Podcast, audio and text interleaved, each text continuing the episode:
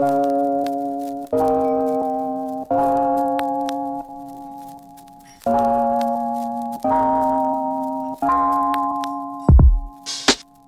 men välkomna tillbaka till Allt vi vill laga. Det här är då podden som jag, Jason Diakité och Jag, Frida Lund.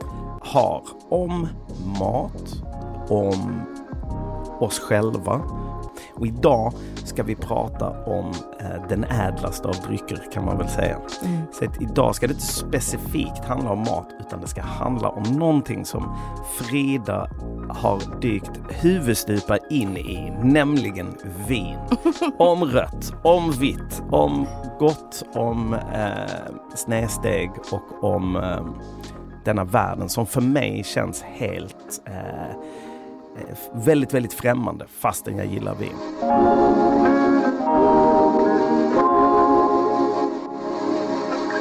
Frida, du, hur, liksom, var kommer ditt vinintresse från? Alltså, min, min vinresa, gud vilket pretentiöst ord, började ju som för alla med att jag liksom snodde vin av morsan och farsan. Mm. Förlåt.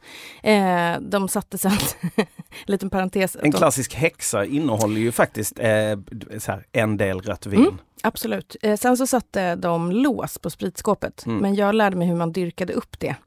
Eh, det räckte faktiskt med en vanlig liten kniv för att komma in Mm, i det mm, där. Så att tji fick de.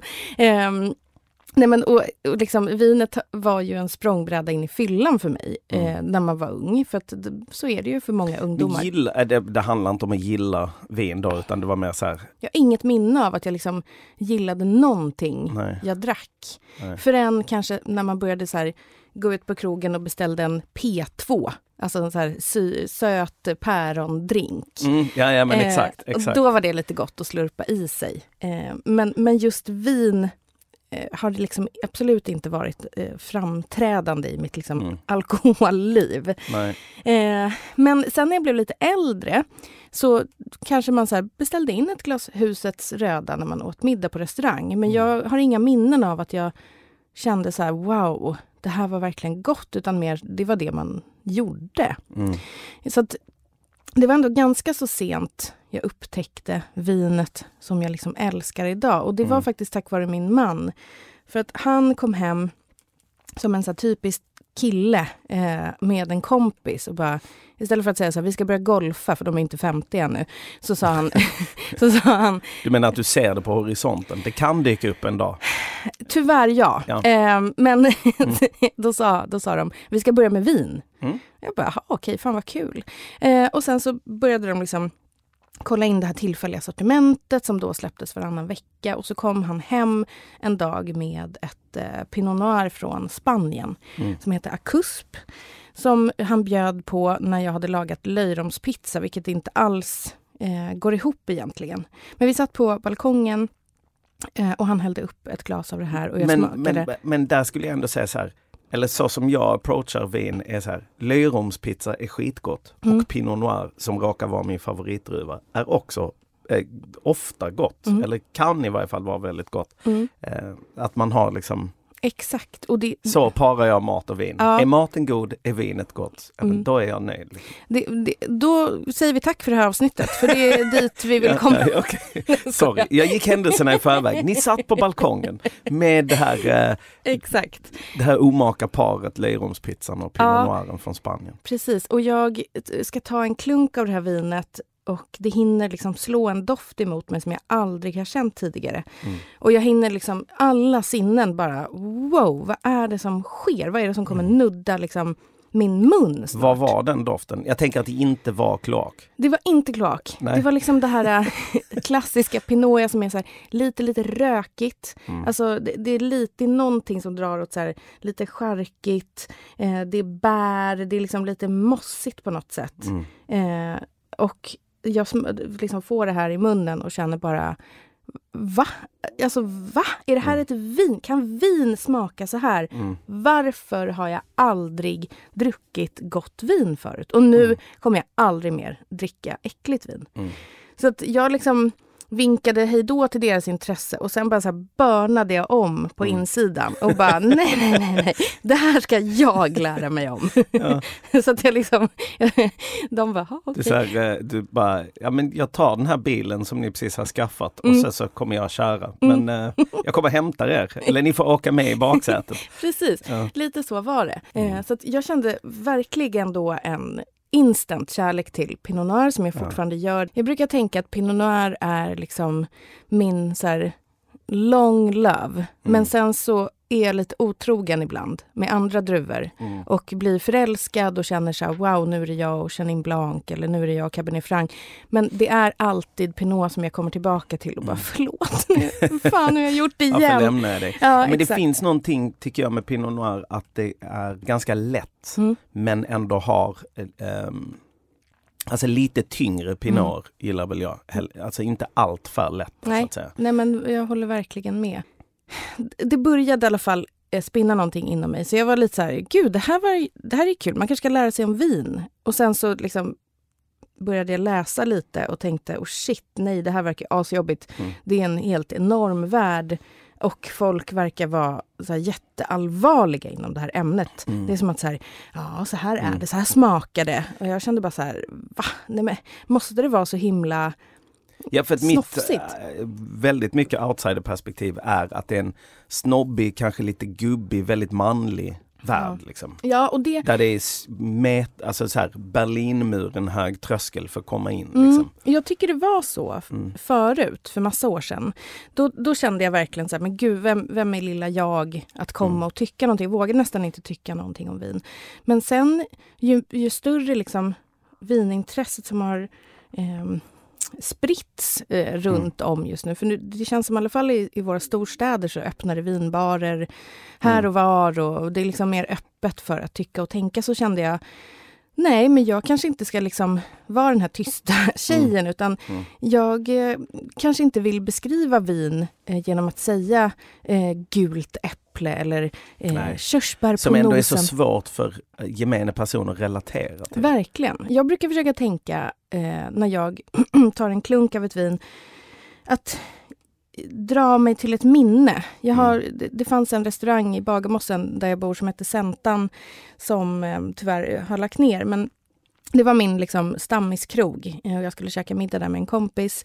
Och eh, Axel som hade den bara så här, han visste vad jag gillade. Han kom in med ett glas vin till mig. Eh, och jag liksom snurrade lite och det doftar exakt som det gjorde när jag öppnade min eh, mormors byrålåda där hennes så här, torkade läppstift låg. Oh, wow. Det var någon så här, Wow. li- ja, det var så jävla häftig känsla för det var liksom lite blommigt.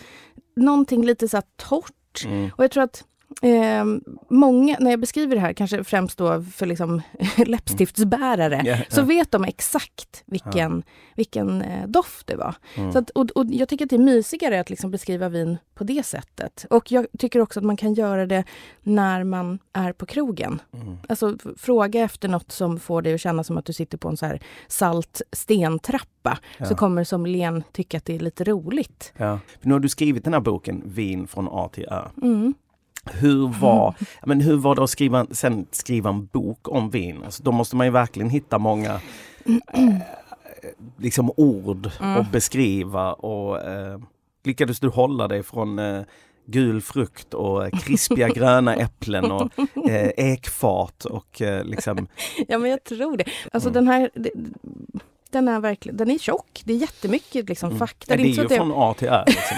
det, ja, Det är här, från. Australien till Österrike. Det är, eh, det är ju mycket som ska täckas in. Jag ville göra en rolig och ehm, ja, men, enkel bok för den som har ett litet pickande intresse eller den som kan lite grann Mm. och vill lära sig lite mer. Det är inte liksom eh, ett tråkigt lexikon, Nej. utan jag har försökt skriva den på ett roligt sätt så att man ändå ska känna att man inte så sätter sig med en tung skolbok. Det. Utan det är mer så här, ha, vad roligt jag har läst den här boken, nu kanske jag borde starta en vinklubb med mina kompisar. Mm. Lite liksom den känslan. Mm. Eh, och så det är ett intresse man liksom aldrig kan tröttna på Mm. heller. Nej, jag hör det. Alltså. Eh, Och, och just den upptäckarglädjen. Mm. eh, Att lära sig nya saker. Men som till exempel första gången jag smakade Zinfandel Mm. så älskade jag det. Ehm, fram till jag träffade en ja, men det var en kille på eh, Systembolaget eh, när jag skulle köpa sin Fandel. Han bara, köp inte det där. Det, det, bara, det smakar bara sylt, det smakar bara jordgubbssylt. Sa han det? Eh, ja, ja, han bara, det är allt för syltigt. Han är, han är fransk också, Philippe, fantastisk eh, och väldigt vinkunnig. Ja. Jobbade på eh, ett systembolag här i Stockholm. Och från den dag, alltså jag tror fan att jag bara, "Ja, men jag ska köpa mitt vin. Jag Mm. vet visst att jag älskar sin Fandel. Kom hem och bara, han har rätt.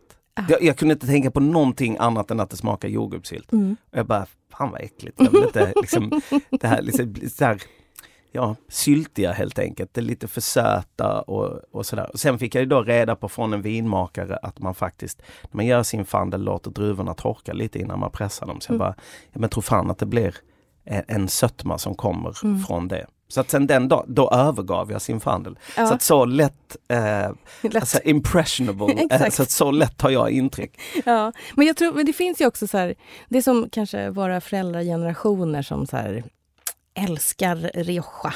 För det var det man drack Mm. eh, när vinet kom Mm. till Sverige. Och Mm. man kanske känner att Riesling, nej det är bara söta viner, det vill jag inte Mm, ha. Fast precis. det inte alls är så. Nej. Nej, för det är ju den, alltså det kan nog många identifiera sig med. Man är på en restaurang och eh, så liksom tittar man på menyn och börjar bestämma sig för vad man ska käka och så bara och så frågar eh, servicen vad man vill dricka och så Mm. bara, ja ah, men lite vin vore trevligt. Bara, ja vi har vinlistan här och så Mm. kommer de med en bibba, alltså vissa kan ju vara så här helt absurt tjocka, Ja. så här bibelstorlekar och eh, men det räcker ju med att den är liksom Fruktansvärd. Ja, alltså, det räcker med att den är några sidor så är man ändå så här, jaha, Ja. jaha, ja det står, det finns vissa grejer som kommer från Frankrike. Så har de, oj, se, de har lite italienare och oj, där var någon från Ungern. Ja. Eh, men liksom att man är lite ställd för det är bara årtal, eh, Loire, eh, Chateau Blanc, Blanc Mm. eh, bara det säger en ingenting. Liksom. Jag hatar vinlistor. Mm. Jag tycker de är så himla... Så slutade ju ändå med att så här, eh, kan vi få prata med er vinperson? Och så Ja. kommer vinpersonen och bara, ja ah, men ni ska ju dricka, vad gillar ni? Ja ah, men då ska ni dricka det här. Bara, hela den exercisen där man kände sig jättedum med Mm. den här vinbibeln kunde man egentligen sluppit. Ja. Eh, Jag tycker, att, alltså jag, jag tycker det är helt knäppt att vinlistan ser ut som den gör, för den är inte alls tillgänglig för någon. Eh, jag kan titta på en vinlista så känner jag igen så ett vin, sen har jag ingen aning. mm. Jag förstår inte riktigt varför de inte bara skriver ut druva. Det kan jag ändå Mm. känna skulle vara en så här, ja det här är från Loire. Nu kanske man om, man, om man kan vin så vet man att det är Cabernet Franc om det är rött oftast. Mm. Men det, det vet ju inte gemene. Ett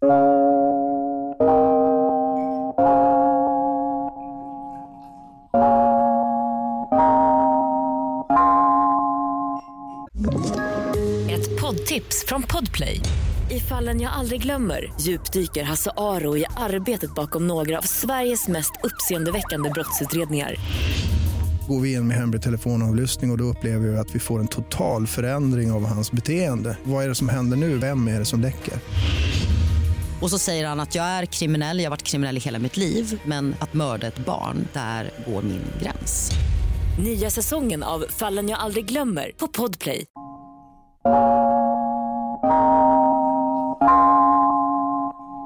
Pinot Noir eh, kommer ju från Bourgogne i Frankrike. Mm. Eh, ett distrikt som är liksom verkligen välrenommerat. Det, det är kanske bland de finaste vinerna Mm. finns i Bourgogne. Eh, Och inte bara Pinot Noir, antar jag. Nej, Nej. Eh, det finns ju även vit bourgogne som är Mm. chardonnay. Eh, och det, Frankrike är ju liksom lite snofsiga för att de man kan ju säga så här, ja men jag vill dricka röd bourgogne och då ska man bara veta 100% att det är Pinot Noir man pratar om. Mm. Eh, och så är det ju inte liksom. Okej, så det är den mest kända druvan, röda, eller som röda vinet från Bourgogne är Pinot Noir? Ja, ja. Okej. Absolut. Eh, och chardonnay då om det är, om det är vitt. Mm. Eh, men och det är en så väldigt svår druva. Den är jättesvår att odla, den är skitjobbig. Eh, den måste ha perfekt temperatur. Så den är liksom lite så här som en en snobbig, liksom, en snobbig druva. Mm, mm. Eh, och då Så kan, redan där börjar Berlinmuren byggas. Liksom. Exakt. Eh, den kan också så vara väldigt dyr och vinmakarna i Bourgogne, liksom, de vet att det här är så extremt fina viner. Om jag liksom har en laguppställning framför mig så väljer jag Mm. alltid Frankrike eller USA. Mm. Eh, nej men jag gör det. Jag väljer Frankrike eller USA för att jag tycker att det känns som att jag vet att jag kommer få, få väldigt bra kvalitet då. Ja. Alltså det är ingen, jag, jag vill inte bli besviken på en Pinot. Och då ska jag slå ett slag här Frida för Mm. ett land som är så kan jag ändå tycka här uppe i Norden bortglömt. Mm. Eh, för att det ligger på den afrikanska kontinenten och det är Sydafrika. Mm. Alltså, vi var där för några år sedan och jävlar vad goda viner vi drack. Alltså, och det var så billigt.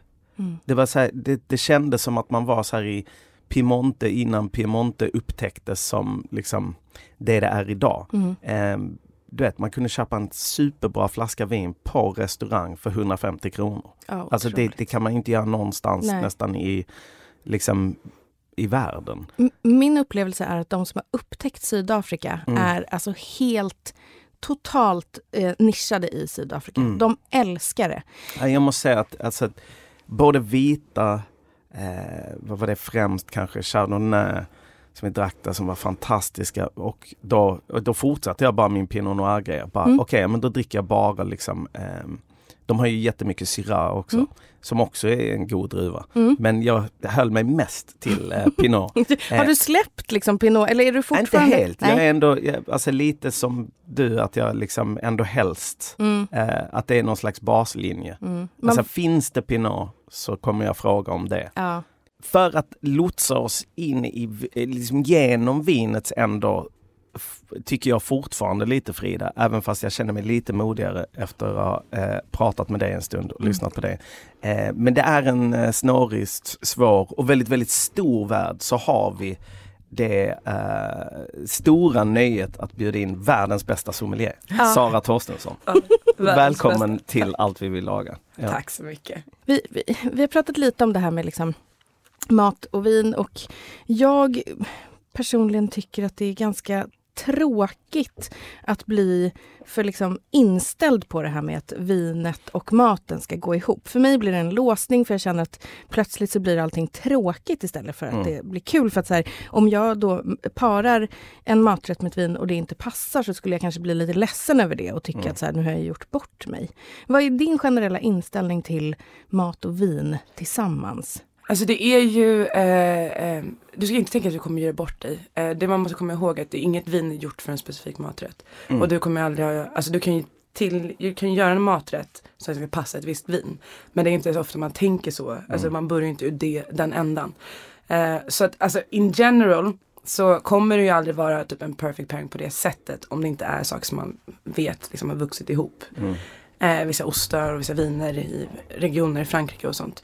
Men det blir ju liksom inte helt fel. Och oftast så bjuder det ju inte bara så här äh, tidsförnämnda vinsnobbar på mat och vin ihop. Jo. Nej. Nej. alltså utan det är liksom mycket otränade paletter. Ja men precis. Mm. Och det som, man, alltså det som man vill undvika är det som inte riktigt funkar ihop. Mm. Som man själv kan märka nästan bara när man tänker på det. Typ att ja men kanske sushi och en röd bordeaux. Alltså typ alltså, röd bordeaux går in i merlot, cabernet sauvignon och cabernet franc. Mm.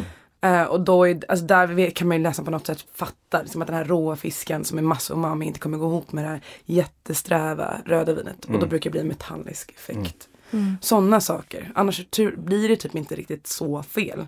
Utan det krävs ju verkligen en, en ganska vältränad palett för tycka att det är Mm. fel. Men då krävs det ju lika vältränad palett för, för jag har bara upplevt ett fåtal gånger i livet en, en så här harmoni eh, Mm. av mat och vin tillsammans. Och det, varje, eh, alla de gångerna har varit på liksom en fin krog där någon har så här, suttit och parat vinet med just den rätten. Mm. Och det har varit så här, verkligen allvarlig stämning. Typ det här vinpaketet ska du ha till. Mm. Och då har det varit så här wow.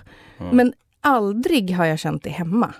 Alltså även om jag då så här, har köpt en Riesling till en liten stark het eh, nudelsallad. Ja, Det har liksom inte blivit på det sättet. Mm. nej. nej men jag kan förstå det. Och det är ju ofta som att det kan bli så i hemmet.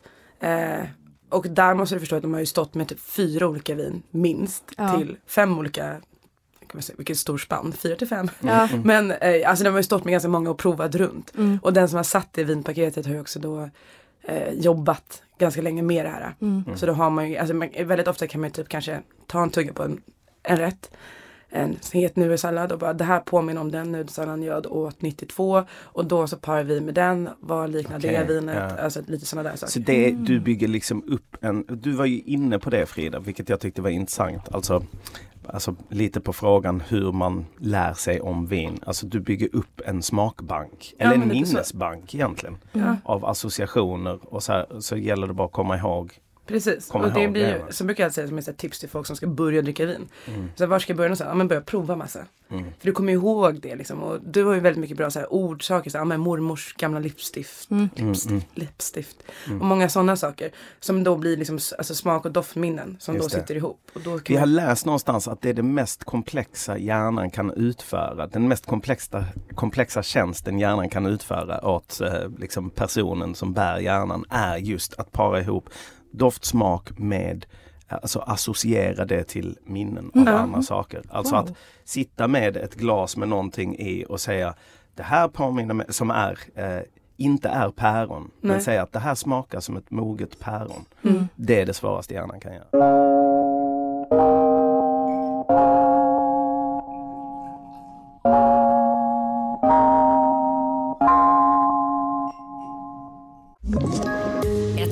Poddtips från Podplay.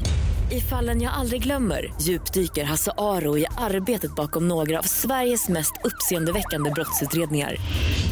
Går vi in med hemlig telefonavlyssning och, och då upplever vi att vi får en total förändring av hans beteende. Vad är det som händer nu? Vem är det som läcker?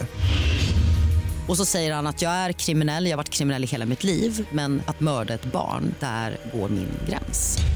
Nya säsongen av Fallen jag aldrig glömmer på Podplay.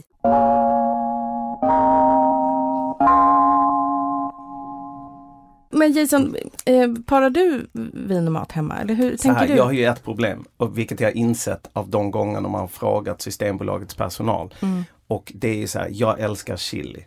Eh, jag älskar chili mer än vad jag älskar vin. Ja. Om vi säger så här, om det är någonting som behöver lämna hemmet så är chilin, alltså så är det vinet innan chilin. Mm. Ehm, men när man frågar på systemet och bara "Åh, om någon vinrekommendation. Jag brukar oftast inte göra det utan jag brukar stå och googla eller Vivina eller något Ja. sånt för att jag ty- kan tycka det är lite jobbigt att Mm. jag känner mig så här nödgad att köpa det de rekommenderar. Ja, även Eh, fast du känner att Ja, du inte vill. Mm. ja, men jag har ju den grejen som jag berättade för dig med vinetiketten. Och så kanske de rekommenderar något så jag bara, flaskan är för ful. Jag kan inte, jag, jag vill aldrig, jag vill inte ha med det här att göra. Liksom. Mm. Men eh, när man då säger så här, "Men vad ska du äta för mat? Så säger jag, ja men det är liksom bla bla bla. Och det liksom Mm. kommer vara chili. Chili kommer förekomma. men alltså är det chili, brännande hett, näsan rinner, Ja, men lite svetten? olika, liksom, olika mycket. Eh, kanske inte så här Vindaloo starkt Nej. eh, skulle jag ändå inte säga. Men jag har en ganska hög tolerans för Ja. chili och gillar eh, liksom och har mycket chili hemma.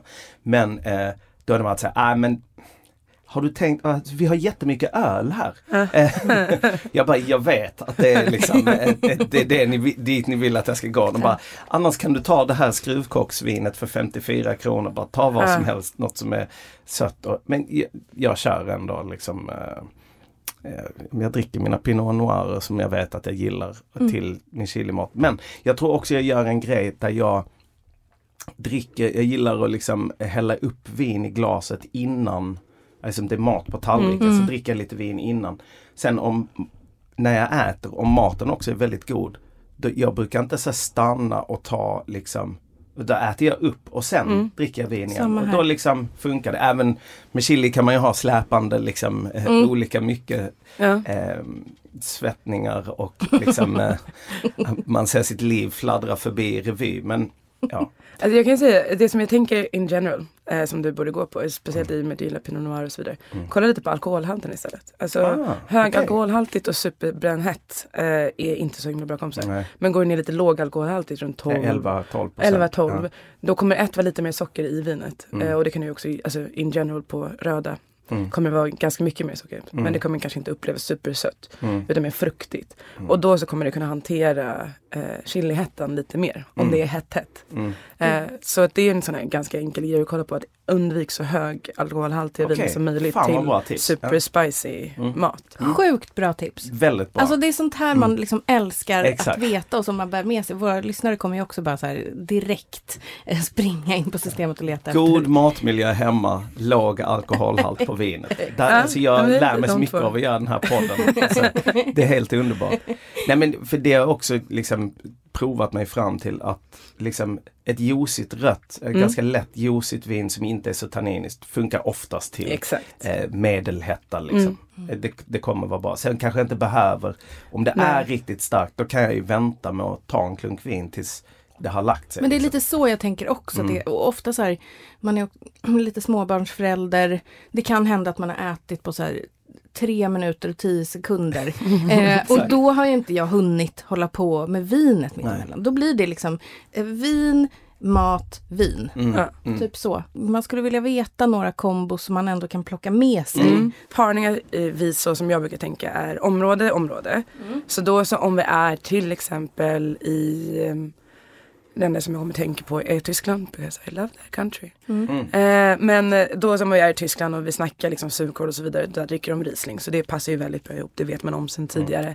Eh, I Spanien, speciellt i liksom nordöstra delarna, så dricker, äter man mycket eh, tapas.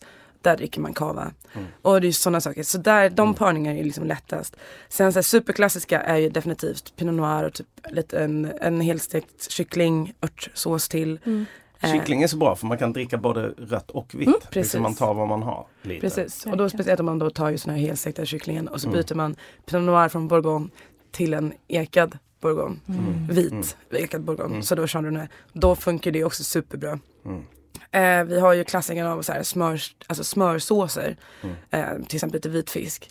Det är ju jättebra också med då smöriga viner. Så då om man Mm. har en Ja men En igen, Chardonnay. Chardonnay Ja. från Bourgogne eller även nu Oregon, alltså så norra delarna, nordvästra delarna av eh, USA gör ju väldigt bra viner. Sen är ju gott till gott den bästa parningen. Ja, älskar.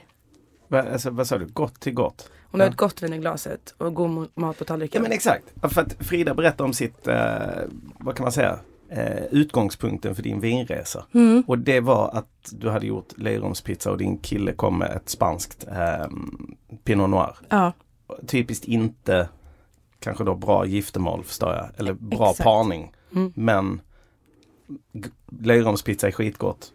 Vinet var uppenbarligen väldigt gott. exakt. Mm. Och det känns, jag tycker också ofta det känns som att upplevelser med vin Mm. och mat, oavsett om de är tillsammans eller separat, handlar alltid om så här settingen. Ja. Alltså, Det, man kan ju sitta på en så här lokal krog i liksom Biarritz och egentligen få in en ganska äcklig måltid. Mm. Eh, men känna att det här är det bästa jag upplevt för att jag är här med mina vänner och solen håller på att gå ner och man har surfat hela dagen och hej nu drömmer det jag där mig är också såhär, Det är liksom- alltså Biarritz är så mycket bättre typ såhär lokalpizzerian i Bagis. Alltså, det är, Jo men jag kan hålla med, det är den. Eh, Du men- väljer dina dåliga ställen väl Frida. Åh, ett så dåligt tak i Biarritz, stackars mig. Exakt, exakt. nej men, nej, men och jag, och jag- det var ganska kul för det intervjuade så här vinmakare i boken eh, som har varit mina husviner.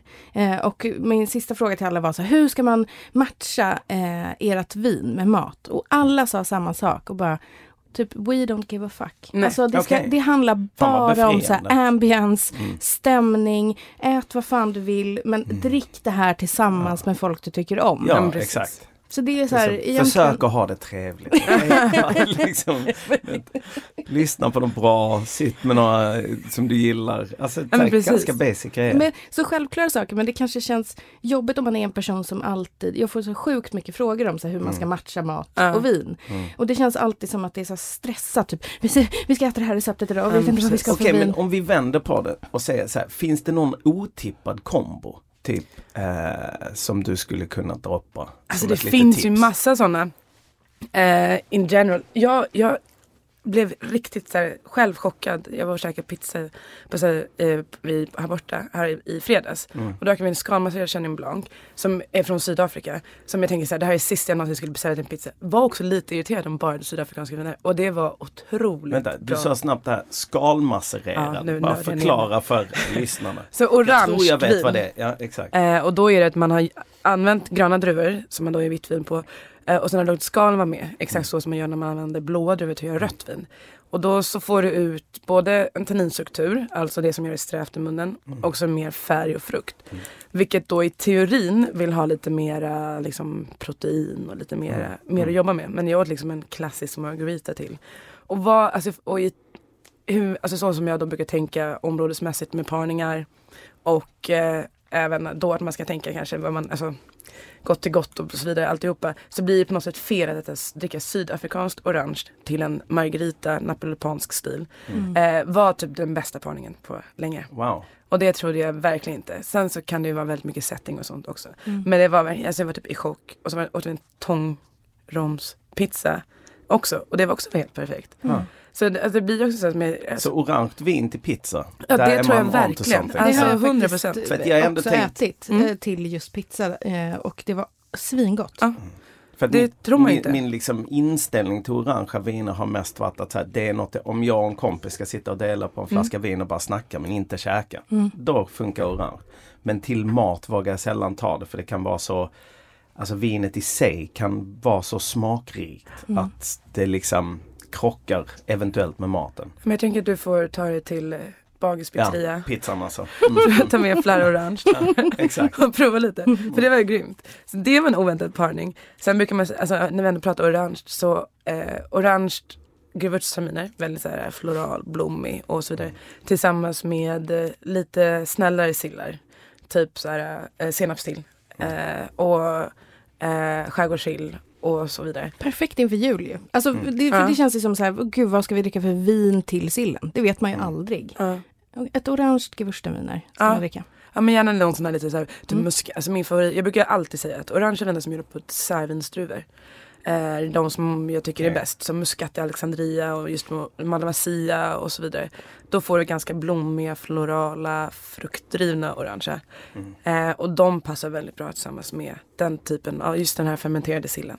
Mm. Får jag ge en otippad kombo? Ja. Eh, jag är osäker på om den är så bra, eh, för att jag var väldigt arg när det här hände. Men jag hade i alla fall bråkat med min man. Eh, vi var på landet och jag var liksom skitsur. Eh, och på spisen så stod min sons gamla maka, eh, makaroner. Eh, och då liksom klickade jag i en klutt ketchup och en klutt eh, majonnäs, blandade om, eh, tog hela kastrullen med en stor sked, ställde på bordet och sen så, det så här, gick jag in och så här, öppnade kylen argt och där stod en så pissdyr eh, chablis. Jag bara, nej jag tänker inte spara den här, här jävla ska jag dricka nu för nu är jag skitsur.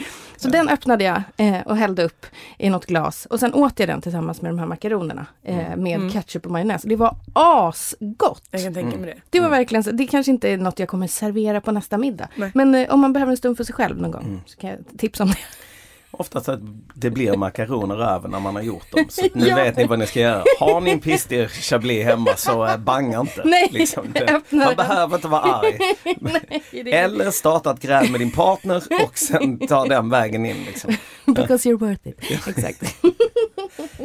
Ja, men jag tänker att det måste finnas tusen sådana liksom, med Frostis och liksom, eh, Pomerol. Eller jag vet inte. Men, Frostis och Pomerol. nej men du vet. Gud, jag eh, så det ser också seriöst för mig att du har häller på Pomerol på dina Frostis. Nej det är Frostis med mjölk. Så Alltså, ja, men, Riktigt såhär, oh, you're making bank now. Ja, nej, inte, inte riktigt där. Men där, där kan jag ju vi var inne på det lite innan. Eh, Så här, ofta lite äldre människor som har liksom ett, ett en, mer kanske en vinkärlek än en vinkunnande. Eh, liksom, men kanske ett vinkunnande också gillar så här bordeauxviner. Så här, kraftiga viner. Jag har så här, jag får oftast ont i huvudet av dem. Jag tycker oftast de är så här Alltså just att det nästan inte går att dricka alls om jag inte har smaken av maten eller sälta i munnen. Alltså jag skulle aldrig, nu köper jag inte sådana viner, jag skulle inte bara öppna ett och dricka med min kompis eller med min, med min partner. Bara helt så här, Nej. ja vi dricker lite vin. Nej, men det kanske är därför hela så här, trenden med lite lätta juiciga viner har blivit så stor. För att innan kanske man inte satt och så här, sällskapade med vin på det sättet. Utan vin var kanske mer till mat. Och nu Ja. är det mer att man så öppnar en flarra och så delar man på den. Ja, men lite så. Så Frostis och Beaujolais kanske. Alltså Frostis, Ja. eh, då kommer ju med mjölk. Ja. Eh, så får du ju liksom en ganska så här, alltså, ganska Fettighet. Ja men eh, lite fin frukt höll jag på att säga men en fin sötma till det och sen får du ju då med mjölkigheten. Och när vinen gått igenom en grej som heter malolaktisk jäsning. När jag gör om eh, äppelsyrorna till mjölksyror. Då får ju vinet en liten så här eh, mjölkig karaktär. Alltså Mm. jag brukar kalla det för yoghurtviner. Eller då viner som man kan dricka till frukost, a.k.a. Ja, ja, ja. frukostviner. Eh, och det Aldrig hittar du ganska... Konceptet är ganska Ja. revolutionerande. Du kan hitta ganska mycket i Chablis. Ja. Du kan hitta just den här laktala stilen på Mm. vinerna som då är malolaktiska. Eh, du kan också hitta det på, alltså vissa Ch- Chenin Blanc har gått igenom malolaktisk jäsning. Lite olika. Mm. Ibland i champagne. Det kan jag då tänka mig. Alltså om ni Ja. hittar det kan man typ googla fram oftast på vinerna. Eller vid viner brukar jag oftast erkänna sånt också om det är så här ve- very malo. Eh, och då så, den, den parningen av Frosties tror Okej, jag 100% på. Då så. Fan vad bra. Mm. Nu har jag hittat min vinparning till Frosties. jag visste inte att det var det jag letade efter när jag steg upp i morse men nu har jag hittat det. Liksom. Fan vad grymt. Nej, jag Ja. tror det finns någon sån till alla. Då kan man dricka vin till all mat. Det skulle jag definitivt eh, säga att man kan göra. Eh, det, det som också är själva grejen, att man inte får glömma att vin kommer i liksom alla storlekar och stilar. Så att du har ju eh, vin som, som sagt, vi har pratat all, låg alkoholhaltigt men det finns ju verkligen viner som är väldigt låg alkoholhaltiga. Speciellt i Tyskland och Österrike där man hittar liksom, eh, deras stilar på eh, predikatsviner, alltså från sött till torrt. Eh, så där kan du verkligen få in vin till frukost utan problem. Eh, om man är sugen på det. Eh, egentligen så kan man ta vilket frukostvin som helst. Alltså, typ Och studenttider vad, vad snackar i vi då? Är det 6-7 procent? 6-7 procent finns. Ja. Sen Ja. finns det ju, alltså, om du vill ha ett torrare håll så är det typ runt 9. Mm. 8,5 kanske. Det beror på hur man ser. Jag älskar ju sött vin. Men i studenttider i Sverige så dricker vi, har vi champagne i frukost. Och då finns det ju, om man då ska äta frukost på riktigt och kanske inte alls vara så att man ska stå på ett flak sen och Så här, liksom Veva. havregrynsgröt. Ah, Så- Eller?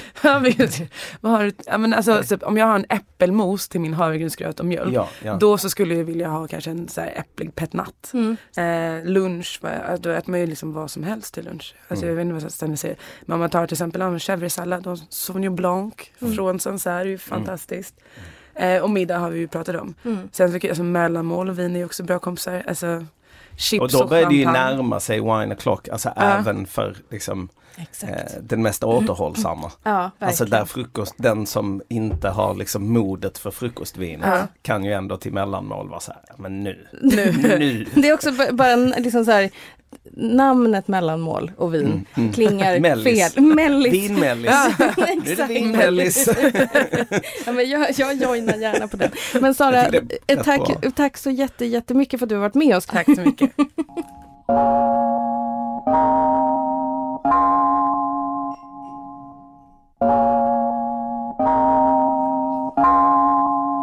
Frida, Mm. okej, hur ser det ut vinmässigt hemma hos dig? Eh, för jävligt eftersom min vinkyl Har du nu liksom är ett för liten. vinskafferi? Eller ja, just det, vinkyl heter det ju. Ja. Eh, Jag har en vinkyl. Vi tog ut hela skafferiet, eh, Ja. så vi har inget skafferi utan vi har en vinkyl. Ja. Eh, den tar kanske 150 flaskor eller något sånt där. Wow! Eh, Alltså vi snackar liksom ett bankvalv Ja. av vin. och den är full så det ligger vin överallt. I garderoben, Wow. på landet. Eh, det, det... Vinet kommer inte ta slut någon gång snart. Nej. Nej. Kanske när jag har fött för då kommer jag vara så sugen. Men hur många, men är alla de flaskor så här, de här ska vi dricka om tio år? Det måste Nej. vara jättejobbigt att bara, fan jag har 139 stycken måste jag vänta med. Så egentligen har du bara tre stycken som du kan dricka nu. Nej, eh, nej men så är det inte. Det, det finns liksom några lagringshyllor. Mm. Men min, ehm, Rör ej. Obs! Fridas vin. exakt. Ja. Eh, eller, ja precis, verkligen så. Men man kan ju smaka om man använder en sån här koravin som är Ah, okej. Och då, det, jag har ju sett den användas några gånger, Mm. den som sticker ner som en nål i korken. Mm. Men är det då helt liksom eh, lagringsbart? Ja, alltså den sprutar in som en gas efteråt som gör att det, Oh, wow. det inte luftas. Eh, det är väldigt bra, men man kanske inte ska lagra kanske tio år till. Nej, nej. Eh, men annars är liksom min... ehm, Och då är det liksom genom vaxförsegling eller, Mm. eller aluminiumförsegling? Mm, genom Wow. hela, hela Ha. skiten. Men annars är min, mm, mm, min vinkyl uppdelad som en garderob. Mm. Lite grann. Jag brukar försöka tänka på vingarderoben. Mm. Eh, och det, så det kan ju låta väldigt så här, vad fan snackar hon om?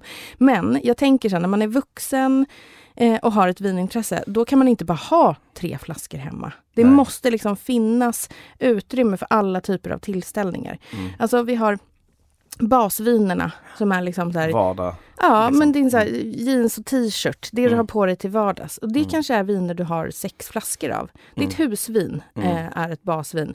Något du har druckit som du kände så här, wow det här var skitgott, jag beställer sex Mm. flaskor Mm. av det, rakt av. Mm. Eh, och sen så har vi liksom festvinerna. Mm. Det är lite bubbel. Här har vi lagt lite Mm, krut, mm, det är lite champagne, några kremanter. Alltså sådana som man kanske tänker att man ska ploppa när det är fest, men som man Mm. egentligen njuter mest av den här tisdagen när liksom ens unge har varit asjobbig och man bara vill här, ta ett gott Sätta guldkant på sin Ja, vardagskväll. exakt, precis. Mm. Ehm, och sen så är det då vad jag brukar kalla de så här lite mer outer-vinerna. Alltså typ som när man så här köpte en kroppad nättröja i New York för man tyckte den var så jävla snygg och sen kom man hem och bara, va, det här är Mm. Absolut inte jag. Alltså alla som någonsin har köpt en tunika på Mallorca. Ja. Eller liksom ett par sådana här thailändska ehm, Haremsbyxor. Ja, exakt. Som eh, kände sig himla rätt just där och då. Men eh, när du står på liksom eh, Skarpnäcks tunnelbaneperrong eh, och väntar på tåget, nej, det Nej. känns inte helt rätt Nej, just det går nu. inte. Nej. Det går inte. Eh, och det kan vara lite så här flummiga naturviner, kanske Mm. någon petnat. Eh, Mm. Som jag, jag tycker är väldigt härligt. Jag tycker att Är det en druva? petnat är ett framställningssätt av att göra bubbel. Men man Okej. låter liksom hela jäsningen ske på flaska. Så att man har Mhm. inte direkt den kontrollen som när man gör champagne till exempel så låter man andra jäsningen ske på flaska. Mm. Eh, men petnat så får det bara hända. Så att liksom alla petnatter som görs är naturligt eh, framställda. Okej. För man kan inte ha full kontroll. Eh, och det är otroligt gott. Det är Mm. alltid lite så här...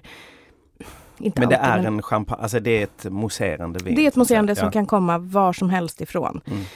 Eh, det är bara liksom, och sen kan de ju heta... Sättet man gör det. Liksom. Ja, precis. Men det är jättekul för de är alltid lite så här äh, luriga. Det kan Mm. vara... Det behöver inte vara så här jättehårda, tjocka... Ibland kan ju, mm, vad heter det, bubblorna bli too much. Det är alltid som Mm. att den bara så här, dit.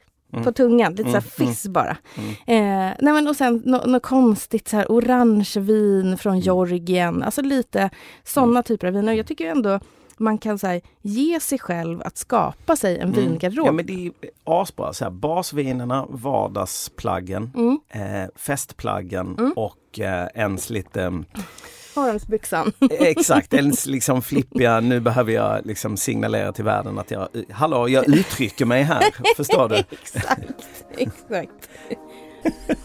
Tack för att ni lyssnade. Tack.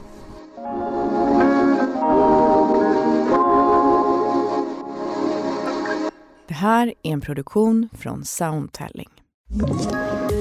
Poddtips från Podplay. I podden Något Kaiko garanterar östgötarna Brutti och jag, Davva, dig en stor dos skratt. Där följer jag pladask för köttätandet igen. Man är lite som en jävla vampyr. Man har fått lite blodsmak och då måste man ha mer. Udda spaningar, fängslande anekdoter och en och annan arg rant. Jag måste ha mitt kaffe på morgonen för annars är jag ingen trevlig människa. Då är du ingen trevlig människa, punkt. Något Kaiko, hör du på Podplay. Därför är gardinerna.